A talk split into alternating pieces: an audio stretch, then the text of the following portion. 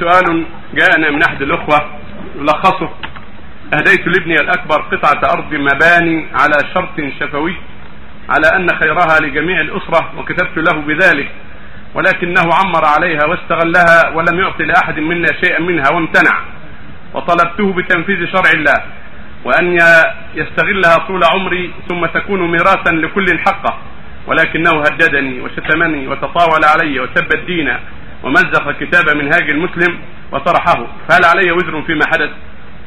عليك أن ترفع امرا للمحكمه وأن توضح المحكمة ما جرى والمحكمة فيها الخير إن شاء الله والبركة.